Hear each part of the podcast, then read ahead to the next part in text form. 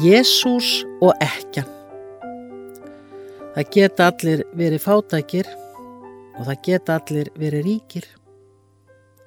Þó svo að við eigum ekki mikið af peningum getum við verið mjög rík.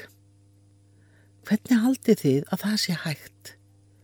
Við getum nefnilega verið ríka vinum, kærleika og fjölskyldu.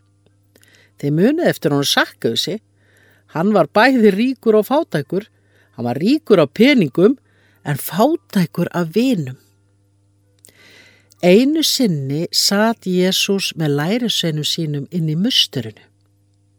Musteri, það er stort og glæsilegt guðshús eins og kirkjurnar hjá okkur. Inn í musturinu voru nokkri stórir peningakassar. Þeir voru opnir á ofan svo að þau sem kæmun í musterið gætu sett peninga í þá.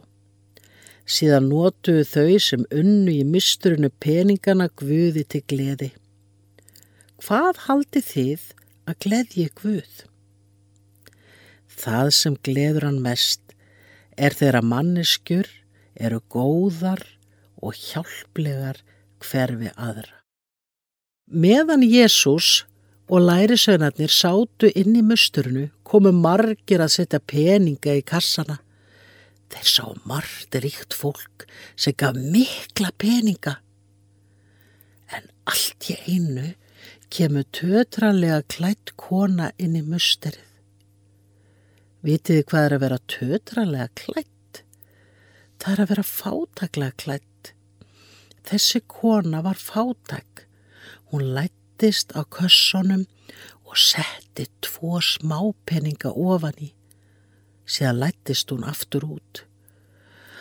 Oh, Kanski fannst henni leiðilegt að get ekki gefið meira. Jésús horfi á fátæku konuna með ástar augum og sagði við lærisuna sína að þessi kona hefði gefið meira en allt ríka fólkið. Ha? Lærisveinarnir hafa öruglórið mjög hissa. Hvernig gætt hún gefið meir en allir aðrir? Þetta voru aðeins tveir litli peningar. En Jésús útskýrði fyrir vinu sínu hvaða meinti. Ríka fólki gaf mikið en það átti líka nóa peningum.